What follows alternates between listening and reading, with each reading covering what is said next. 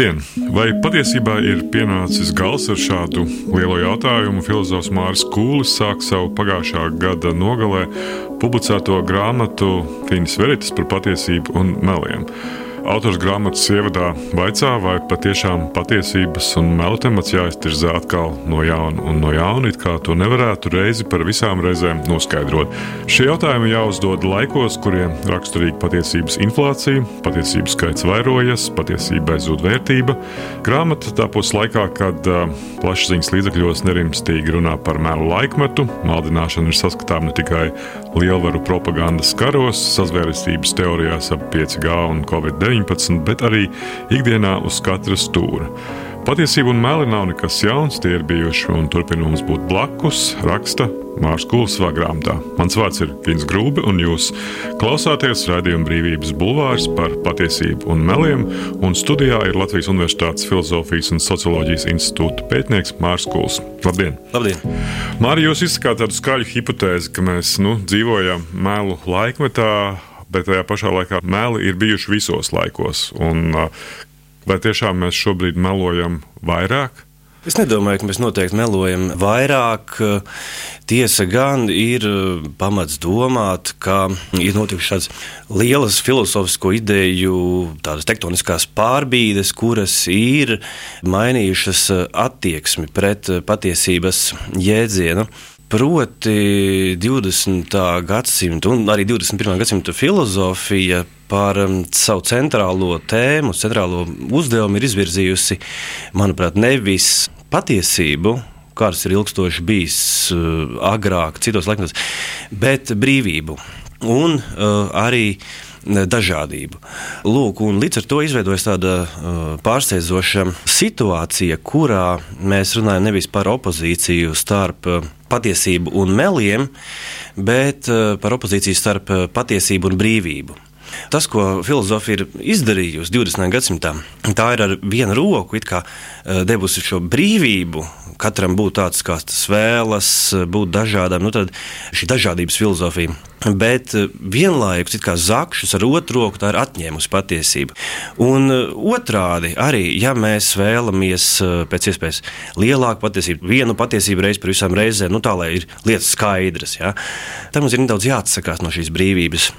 Un tā manā izskatā ļoti pārsteidzoša un arī briesmīga opozīcija. Ja, tas ir tas, ko piedāvā šī filozofija, ka patiesība ir atkarīga no sociālā konteksta, no ekonomiskiem faktoriem, no kultūras faktoriem, dziļu psiholoģija, psihoanalīze parāda, ka mēs cilvēki nebūtu nesam racionāli tik ļoti, kā mēs to vēlētos būt. Ja. Šī Platona metafora par ratu vadītāja un prāts vadīs mūsu ziņas. Izrādās, ka ziņas varbūt mūs tomēr raust vairāk nekā mēs eh, esam gatavi to atzīt. Šādā nozīmē jāsaprot, ka patiesība zaudē savu autoritāti. Jūs saucat to, ka ir patiesības inflācija. Ja? Tieši tā. Bet Pati... ir jautājums, vai tās patiesības ir kļuvis vairāk, vai, vai patiesība ir kļuvusi vairāk? Jā, patiesība kļuvis vairāk. Un te sanāk tāda, tāda teiksim, tā, traka lieta, jo patiesības devalvācija neuzņemas obligāti sniegt kaut kādu vērtējumu, tas ir labi vai slikti, jo skaidrs, ka nu, dažādības filozofija ir sniegusi arī ļoti daudz ko labu. Mēs tiešām esam kļuvuši brīvāki. Mūsu sabiedrības mūsdienās, pat autoritārās valstīs, tomēr var runāt par kaut kādu salīdzinošu brīvību. Tomēr situācijā, kad cilvēki un dažādas sabiedriskās grupas var uzdrīkstās, pastāvēt savu, katru uz savu patiesību, vienā brīdī mēs nokļūstam situācijā, kurā apjaušam, ka ja jau to patiesību ir tik daudz, tā ir devalvējusies, ir notiek šī inflācija, viņu ir saradies ļoti daudz, rodas jautājums, nu vai tā patiesība ir tā vērta vai vispār ir vērts par to satraukties, vai ir vērts par to rūpēties un to meklēt. Un uh, galu galā dabas zinātnes uh, strādā. Tām ir uh, izpratne, kā patiesību atrast, jā, tad ir šīs visas uh, empiriskās zinātnes, indukcijas metodes, tas strādā. Bet uh, vienlaikus jau ir kaut kas vēl, un to varētu nosaukt par šīm ideju patiesībām vai kultūras patiesībām. Kas notiek pēc eh, Pirmā pasaules kara? Man šķiet, ka tas ir pat vēl interesantāks eh, notikums cilvēks vēsturē nekā Otrais pasaules karš. Eh, un tes, es jau neko oriģināli nepateikšu. Lietuārs, piemēram, taču runā par lielo narratīvu izbeigšanos. Protams, mēs dzīvojam laikā, kurā zūd ticība lielajiem stāstiem Lielie stāsti par to, kā vispār ir iekārtota pasaule, kas ir augšā, kas ir lejā kas ir svarīgs, tad zūd šī tradīcijas sakārtojošā loma. Un, ja vēl pirms Pirmā pasaules kara ir tāds nu, saksim, milzīgs pacēlums, satraukums, ir ticība lielajiem ideāliem, kaut vai arī valstī, ja, ka šīm lielajām impērijām, ka tas ir kaut kas tāds ārkārtīgi dižens un svarīgs, diezin vai mēs varētu tādā pašā veidā runāt par uh, valsti no mūsdienu skatu punkta. Ja. Nu, valsts ir tikai funkcija, tas nav nekas vairāk. Piemēram, reliģiozās sabiedrības grupas tādu ir aizvien mazāk un mazāk. Šīs grupas, kuras tic atkal kaut kādam dievišķam patiesības iemiesojumi. Šie visi narratīvi gluži vienkārši zaudē aktualitāti. Un es nedomāju, es nerunāju par to, ka kāds būtu tos atspēkojis, ja, vai būtu notikusi kaut kāda racionāla diskusija, kurā mēs soli pa solim loģiski būtu nokļuvuši līdz uh, šo lielo ideālu atspēkojumu, bet gluži vienkārši tie zaudē relevanci. Tā bija šī lielā vilšanās, pēckara lielā vilšanās, ka mēs konstatējam, ka tie ideāli mūs ir piemānījuši. Bet tas bija, man liekas, pirms pieciem gadiem, kad uh, Oksfords vārnīca pasludināja mm -hmm. to terminu par 16. patiesību. Jā, 2016. gadā, jo vienkārši tā vārda lietošana bija krasi pieaugusi saistībā ar Lielbritānijas uh, Brexitu mm -hmm. referendumu un uh, Donalda Trumpa uzvaru toreiz ASV vēlēšanās. Un, Tur, protams, arī man šķiet, vārnīcas veidotāji nu, saskārās ar tām zināmām grūtībām, ko apzīmēt ar to postu patiesību. Un tad viņi rakstīja, ka tie ir apstākļi, kuros sabiedrības viedokļu veidošanā objektīvi fakti ir mazāk ietekmīgi nekā vēršanās pie emocijām un personīgajiem uzskatiem. Un tie vārnīcas veidotāji teica, ka mēs droši vien pienāksim nu, situācijā, ka šis postu patiesības jēdziens nu, varētu tikt raksturots kā šī laikmeta nu, apzīmējums.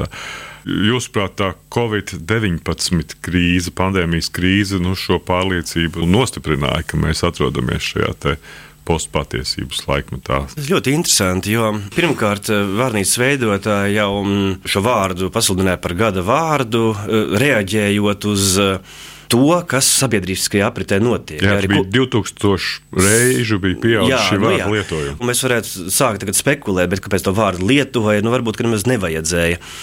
Jo atkal jau, nu, meli jau nav gluži nekas tāds. Uh, jauns.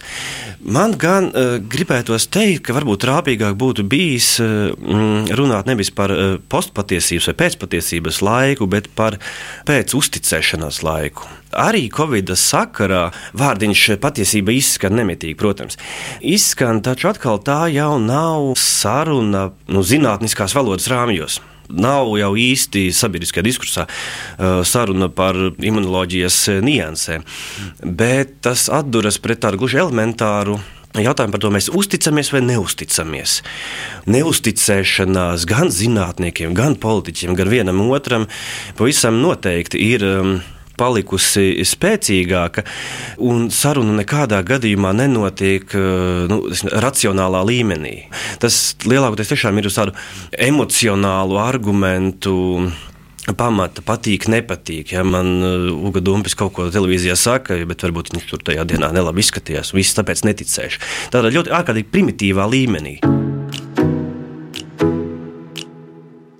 Kāpēc vispār būtu jārunā par patiesību? Iespējams, ir radies priekšstats, ka patiesības temats ieguvis īpašu aktualitāti tieši mūsdienās, kad sabiedriskajā apritē nostiprinājušies tādi jēdzieni kā pēcpatiesības laikmets, informācijas karš, viltus ziņas un šo aktualitāšu šķetināšanu uzņēmušās tādas jaunas cepures nozares kā informācijas un mēdīņu pratība, kritiskā domāšana un tam līdzīgi. Tomēr patiesības problēma ir krietni gruntīgāka. Proti, runa ir par opozīcijas starp mūžīgo un laicisko absolūto un relatīvo. Savā grāmatā par patiesību un meliem raksta filozofs Mārcis Kūls.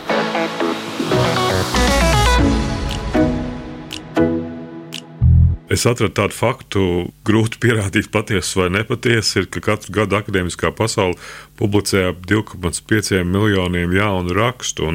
Pastāv versija, ka šī informācijas šķirošana būtu jāuztic uh, robotu smadzenēm, vai, uh, nu, lai pārbaudītu, vai šis mākslīgais intelekts uh, nu, nekļūdīsies. Vai šī ir nākotne, kura arī varētu attiekties uz visu veidu patiesībām, ne tikai uz dabas vai eksaktajām vai dabas zinātnēm. Es pilnīgi iztēlojos tādu komisijas sanāksmi, kurā spriež par to, ka varētu turpmāk zinātniskos tekstus vērtēt mākslīgais intelekts. Un vispirms tāpēc, ka tādā veidā varētu ietaupīt uz honorāriem ekspertiem. Tas būtu pirmais. Uh, bet otrais, jā, patiesības digitalizācija, un tur noteikti ir savdabīga lieta, kas ir, manuprāt, pilnīgi acīm redzams, ka ievērojama komunikācijas daļa šobrīd ir pārvietojusies digitālajā jomā. No sociālajiem tīkliem tas ir tas spilgtākais redzamais. Bet uh, digitālās tehnoloģijas, kuras taču darbina datori, sevi pozicionē kā tādas, ka tas it kā atsaucās uz uh, dabas zinātņu sasniegumiem. Eh, mākslīgais intelekts eh, apelē pie tā, ka tas strādā ar eh, saka, cietajiem datiem, ar konkrētiem faktiem un ar precīzu algoritmu palīdzību spēj atvedināt konkrētus secinājumus. Un tas šiem algoritmiem piešķir tādu kā uzticamības auru. Šķiet, ka, nu, ja jau tur ir matemātika apakšā, tad jau būs labi. Kas tomēr ir jāsaprot, ka šie visi algoritmi, un digitālajā vidē viss komunikācija jau nav gluži neitrāla. Un, ja mēs runājam par sociālajiem tīkliem, nu, caur kuriem mums gājuši virsū reklāmas lavīnas, katru mīļu sekundi kāda reklāma kaut kur nozīmē. Tā caur caurēm tomēr piesātināt ar konkrētiem nolūkiem, nu, elementārākajā līmenī kaut ko pārdot. Tā kā šeit runāt par kaut kādu mm, objektīvu patiesīgumu, jau nu, tomēr nav, nav pamata. Un, ja mēs runājam par tiem apjomiem, tie ir tomēr eh, milzīgi. Ja. Pirmais uh, ir daudz skandālu par šo jomu bijuši, ja, bet es atceros, eh, viens jau skandāls bija Snowdena atklājumi par to, kā notiek pilsoņu izspiegošana, kas parādīja, cik milzīgā apjomā, un tas bija satraukums. Bet kaut kādā mērā gribētu teikt, nu, tas ir salīdzinoši sīkums attiecībā pret to, ko spēja paveikt eh, Facebook, kurš sevi tagad ir pārdevējis par Meta vai, vai Amazon un tam līdzīgi uzņēmumi, kuru pirmais un galvenais uzdevums ir nevis uh, nodrošināt racionālu diskusiju vai, vai brīvu diskusiju. Pirmais un galvenais uzdevums ir panākt to, lai mēs nopērkam jaunas kurpes vai zopastu vai kaut ko tādu. Par to, kāpēc eh, tomēr nenoraida melus. Daudz ir runāts par mm, kritisko domāšanu, kā rīku, kas varētu palīdzēt. Protams, zināmā mērā tas varētu palīdzēt Taču kritiskai domāšanai ir viena briesmīga problēma. E, un, jā, faktu pārbaudes raidījumi ir e, interesanti, ir labi. E, pastos klausos. Raidījuma tēma viens politiķis pateica kaut kādu faktu, un tad 20 minūtes tiek pārbaudīts, vai tā ir taisnība vai nav. Meklēti dati, liecinieki un tam līdzīgi. Tas ir šausmīgi lēni, tas ir ārprātīgi lēni. Salīdzinām ar ko? Ar jebko, nu, ar to, kā noris dzīve. Kamēr mēs pārbaudām vienu apgalvojumu, 20 citi jau ir izskanējuši. Nu, es paskatījos vienu no žurnālistiem, kuri mūsu ikdienā Latvijā darbojās ar šo faktu pārbaudi, ir Rebaltikas uh, žurnālisti. Mm. Viņu nu, pagājušās nedēļas vai pēdējā laika nu, pārbaudīja apgalvojumu, vai mm. tējas sēnes satur bioloģiski aktīvas vielas un pierādīja, ka tam nav nekāda pamata, jo uh, ka šis dzēriens būtu efektīvs līdzeklis mm -hmm. pret Covid-19, kā to bija izplatījuši arī uh, sociālie mēdīji pārbaudīja faktu, ka Pasaules veselības organizācija ir izmainījusi vadlīnijas un iesaka pret covid-19 vakcinēt bērnus, kas jaunāki par 12 gadiem. Tā izrādījās nav taisnība. Un vairāk nekā tas bija pierādīts 3500 cilvēku, laikam nepilnas dienas laikā bija dalījušies ar nepatiesu ziņu, ka Igaunija esot paziņojusi par šo covid certifikātu atcelšanu. Un tad ir tas jautājums, kāpēc tās nepatiesās ziņas izplatās ātrāk. Jūs teicāt, ka tā faktu pārbauda ir lēna, bet tās nepatiesās ziņas izplatās daudz ātrāk. Laikam, es pat redzēju, ka Twitterī mm. tās izplatoties sešreiz ātrāk nekā patiesās ziņas. Mm -hmm. Bet tā ir tāda kritiska problēma manā ieskatā, jo tas padara kritisko domāšanu šo nozari, kur ir ļoti sakarīga lieta. Ja? Argumentācijas, eh, argumentācijas vešanas metodikas, kā to darīt, ja? tad tīri loģiski, formālās loģikas eh, tēma, vai siloģisms ir vai nav patiesa. Ja? To visu var darīt, un tas ir vērtīgi, bet tas ir ļoti lēni sarunas gaitā, vienkārši elementāri sarunas gaitā apstāties, lai pārbaudītu katru faktu, ir, tas ir praktiski neiespējami. Tur ir tā lieta. Teorētiski tas ir iespējams, praktiski tas ir neiespējami. Bet uh, nu, man ir jautājums, kādēļ jūs pat cilvēki tad, uh, nu, neatšķir šo nopietno žurnālistiku, neatšķir vai neidentificē šos īstos ekspertus. Jo nu, arī attiecībā pat, pat uz tiem pašiem faktu pārbaudījumiem mm. mēs vērojam nu, diezgan izteikti agresīvu noskaņojumu pret šiem žurnālistiem, kuri cenšas pārbaudīt faktus. Mēs nevaram runāt par uh, medijiem tik šauri. Vairākas lietas uzreiz. Viena tad ir tas, ka tradicionālos medijus, presi, radio, televīzija aizvien vairāk nomaina sociālajie tīkli. Tāda ļoti elementāra lieta. Otrs, mediji ir daudz grēkojuši, tā ir otrā lieta. Proti, pat eh, tā saucamie cienījamie mediji diezgan bieži ļaujas eh, sensacionalizēšanai. Bļaustīgi virsraksti un izrādās, ka apakšā jau nu nekā tik traka nav. Un tas devalvē uzticību mēdījiem, un ar to grēko daudzi. Ne tikai, ne tikai kaut kādas mazas lapiņas Facebook, bet arī, arī Latvijas. Piemēram. Ja mēs runājam par Latviju, tad eh, lielie mēdīji to diemžēl dara un stipri daudz. Nobrūk robeža starp to, ko mēs runājam, šie tradicionālie mēdīji un pārējie mēdīji. Faktiski šāda robeža pazūd. Senos laikos, ja pirms simts gadiem iekļūt uh, televīzijā, ne, televīzijas pat īsti nebija, bet nu, radio tas bija grūti. Kuru katru tur neaicina? Uztaisīt savu podkāstu vai aplādi, kā saka, jā, tas ir elementāri. Uztaisīt savu tīmekļa vietni elementāri. Tas ir vienkārši lietas, un līdz ar to šī visa mēdīju vide kā tāda atsevišķa burbulis, kurā pastāvētu šīs pašas vides pieņemti augsti morāles, patiesības pārbaudīšanas kritēriji, šāda vide vienkārši neeksistē vairs. Kā vienots veselums. Viņai ir šīs robežas pilnīgi izšķīdušas. Bet eh, no otras puses, nu, pirms pieciem gadiem man šķiet, ka bija tas, eh, skatījos, bija pētījums par to, ka arī tā informācija, ko cilvēki atrod sociālos mēdījos, mm. apmēram 60% nu, nepiekrīt tam apgalvojumam, ka viņi tam ticētu šai informācijai. Diez vai teiksim, nu, šo pēdējo piecu gadu laikā nu, šī proporcija būtu īpaši mainījusies, ja nebūtu vēl lielāks šis jautājums. Un tad no vienas puses mēs varam runāt par mediju telpas nu, sabrukumu savā ziņā. Mm -hmm. Ja jūs sakāt, ka nu, sarūk uzticība šiem tradicionālajiem lielajiem mm -hmm. mēdījiem, mm -hmm. bet arī nepieaugušiem sociālajiem mēdījiem. Tad Tieši tā, bet uh, tieši, tieši tas jau arī notiek. Ap citu, Krievijas sakarā par to Dažkārt runā, ka mm, tā stratēģija ir tāda, ka eh, principā veicināt jebkādas uzticības zušanu jebkam mēdījiem, politiķiem, vienam pret otru. Jā. Un iespējams, ka tam var piekrist. Starp citu, par Covid arī runājot, kā rāda statistika, tad eh, Krievijā diezko labi neiet ar Covid potēm. Jā, viņi tā kā beidzot ir iezāģējuši paši savā zarā. Jūs arī grāmatā vienu savu nodaļu saucat par hiperkomunikācijas apoteozi. Tas nozīmē, pēc būtības mēs dzīvojam laikā, kurā visu laiku ir ziņas.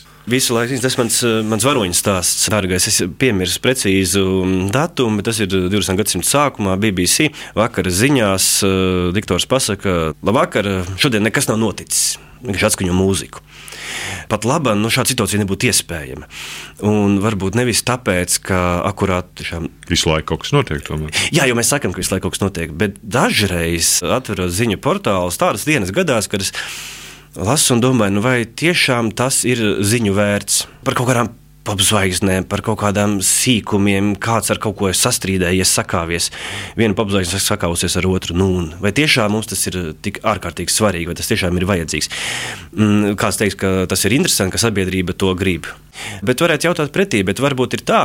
Arī paši mēdīji veido. Manā ieskatā nav tā, ka mm, mēdīji atsaucas sabiedrības prasībām Mm, tas ir jautājums par mediju ētiku. Vai mēdījiem ir vēl kaut kāds virs uzdevums, piemēram, sabiedrības izglītošana?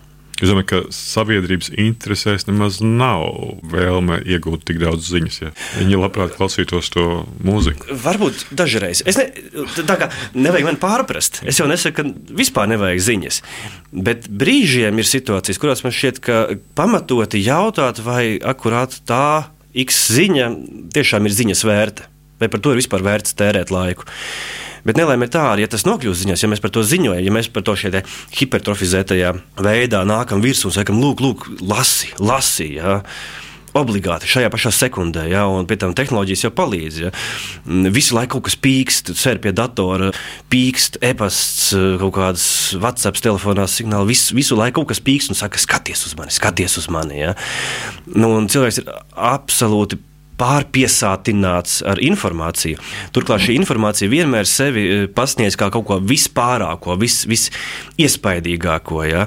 Notiek tāda ziņas sacensība. Kā Kalsberga reklāmā ja, teica, iespējams labākais alus, ja, tad katra ziņa arī saka, klau, es esmu iespējams labākā un svarīgākā ziņa šodien un vispār nedēļas laikā. Bet vienmēr ir jauna un jauna un jauna ziņa. Un ar ko tas beigsies? Es pieļauju, ka tas varētu tikai pastiprināties. Melu definēšana, tos pakļaujot loģiskai analīzē, protams, ir noderīga nodara, bet tomēr jāņem vērā, ka melošana ir daudzšķaitņaina, atšķirīga kultūra praksa. Meli taču ir tik dažādi. Baltie meli, cēlie meli, melšana un muldēšana, izlikšanās, propaganda. Var tikai piekrist Vitgensteina novērojumam, ka melošana ir valodas spēle, kas jāapgūst gluži tāpat kā citas. Melošana nav vienkārši aplama valodas lietošana, tā ir ļoti konkrēta un precīza runas forma, raksta Mārcis Kulis savā grāmatā par patiesību un meliem. Ja mēs runājam par patiesības tēmu šodien, jā, jā. Eh, tad ir um, šī absolūtā mediju sadrumstalotība, proti, vispār robežu izzušana starp mēdījiem. Ja mēs, nu, sociālais tīkls, ja, var, vai Twitteris var kļūt par um, mēdīju. Otra lieta - šī uzticības tēma. Ja? Un patiesības, kas to sauc par patiesības inflāciju. Ja mēs jau tā nevisai uzticamies, ja šīs robežas ir pazudušas, ja autoritātei nav liela loma, un atkal ir svarīgi saprast, ja, ne bez iemesla. Cilvēks vēsture ir bijusi mm, piesātināta, ir piesātināta dažādiem sliktiem notikumiem, un autoritātes ir daudz sliktas lietas sastrādājušas. Tā kā ne bez pamata. Šo visu kopā saliekot, jau arī izveidojas tas, ko mēs dēvējam par pēcpatiesības laikmetu vai šo pēcuzticēšanās laikmetu. Pieliekam klāt vēl sociālo tīklu, vēl apelēt pie šīm pašām tehnoloģijām. Un kopā izveidojas tas, ko es saku, ka patiesība kļūst nerelevanta. Katram ir savs burbulītis, ja tiek izmanto šis eh, mēdīju burbuļu vai sociālo burbuļu vai ziņu burbuļu jēdziens, kuros nostiprinās šīs mazās patiesībiņas. Un ar to izrādās ir pietiekami. Bet tas ir iemesls, eh, es skatījos, ka nu, populārā mm -hmm. zinātnes aprakstītāja Brūka Borela rakstīja pirms kādiem gadiem, ka faktu pārbaudīšana pēc patiesības laikmetā nedarbojās. Respektīvi, jo katram burbulim atzīmēt, ir sava patiesība, kurā nav iespējams vienam otram pierādīt, ka tu esi pierādījis, ka tas ir patiesa vai nav patiesa. Vai Jūs jau minējāt, viens šis iemesls ir šis lēnums. Es piekrītu, jo atliksim malā jautājums par dabas zinātnēm, kuras nodarbojas ar priekšmetiem, kurām tas visnotaļ labi sanāk. Uh, un kuriem es uzticos pilnīgi. Bet um, tiklīdz runa ir par šīm ideju vai kultūras patiesībām, tām pamatā ir um, tas, ko filozofija devē par vērtībām. Un vērtības nav racionāli pārdomu auglis. Tās ir tradīcijas dotas, un tās ir mainīgas. Kultūras, uh, filozofijas un antropoloģijas vēsture to ļoti labi var parādīt, ka šīs vērtības ir vēsturiskas, un mainīgas un dinamiskas. Jā. Pirmais, kas to ieskicē, ir uh, filozofs Hēgels. Vispār Domāšana ir vēsturiska, jebkurš jēdziens ir vēsturisks. Mēs uh, sacerējušies, ka varēs kā enciklopēdijas apgaismības laikmetā jā, noskaidrot jēdzienu, uzrakstīt par to šķirkli, un tas būs izdarīts. Viss būs beidzies. Bet šī skaudrā apziņa, ka tā tas gluži vienkārši nav.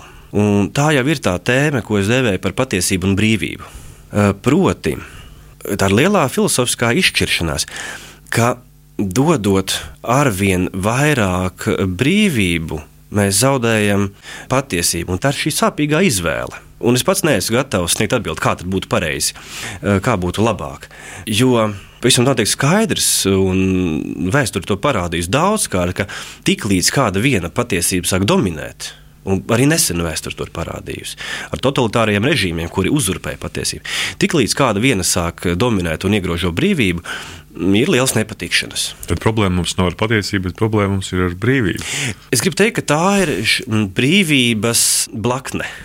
Tā ir traģiska problēma viens no centrālajiem Eiropas, nu, es runāju par 20. gadsimtu, ilgstoši 20. gadsimtu kontekstā, arī šobrīd, ir bijusi par viens no centrālajiem motīviem tieši šī dažādība, uz ko mēs esam tiekušies. Bet uh, nelaime ir tāda, ka tam ir konkrēts sekas. Tas ir padarījis šo civilizāciju, sabiedrību uh, vājāku attiecībā pret specifiski veidu uzbrukumiem. Bet taisnības labad ir jāteic, ka šī tiekšanās pēc brīvības un dažādības Eiropai ir atnesusi ārkārtīgi daudz laba. Lai kā pēc 45. gada ilgstoši taču nav bijuši Eiropā nopietni kari. Tādi nav bijuši. Sabiedrība iekšēji ir daudz tolerantāka atvērtāka pret visdažādākajām sabiedrības grupām. Katrā ziņā var runāt par to, ka Eiropas sabiedrība ir bagātāka. Un bagātāka ir ne tikai mm, elite vai varēja pieturēties, bet visa sabiedrība kopumā ir bagāta. Pat Eiropas nabagi salīdzinoši ir ārkārtīgi bagāti salīdzinoši pret pārējo pasauli.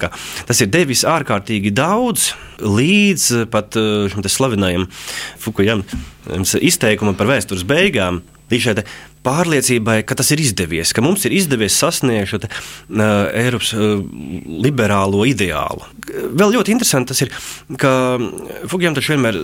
Vēlāk ir ārkārtīgi bieži uzsvēris, ka nu, es to tā nedomāju. Es nedomāju, ka tiešām viss ir beidzies, bet svarīgāk manā izskatā tas, ka viņu tieši tā saprata.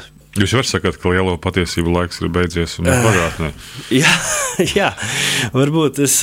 Tas jau arī bija stāsts par to, ko viņš nu, teica. Jā, Eiropa ir nokļuvusi situācijā, kurā tā ir sajūsmā pati par sevi.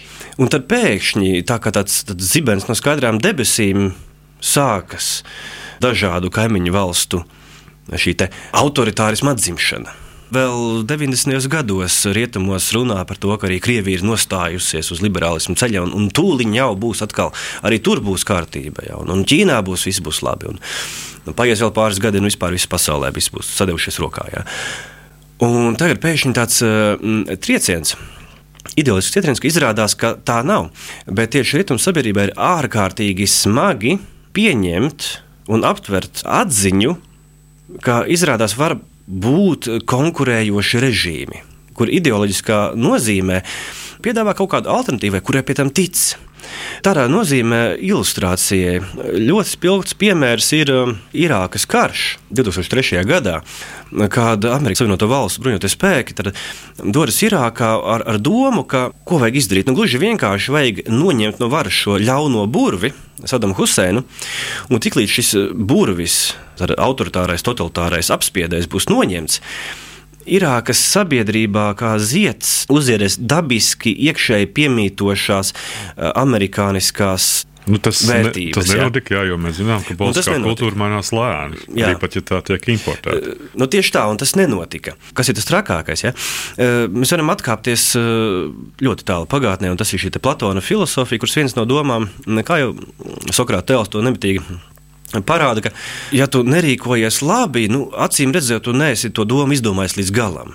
Tu rīkojies ļauni, tāpēc, ka ne, tu nesaproti, tu neesi sapratis labo. Ja. Šī doma arī caur kristietību ir piesātinājusi rietumu filozofiju, sakot, ka mēs esam izdomājuši, un, ja mēs esam tiešām izdomājuši un sapratuši, tad tā tam arī ir jābūt, un citādāk nedrīkst būt. Ja tā pēkšņi nav, ja tā nerīkojas, tad ir divi skaidrojumi. Vai nu viņi vēl joprojām ir noburti, tie pārējie.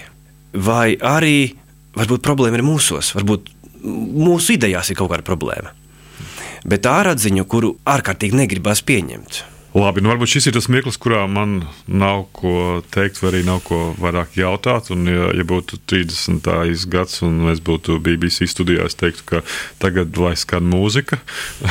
tas bija radījums Brīvības Bulvārs. Studijā bija um, filozofs Māris Kūlis, uh, sarunājos Esgīns Grūbe, ieraksta un attēla režisors Toms Šits un radījumu montēja Nora Mitspapa. Paldies! Paldies!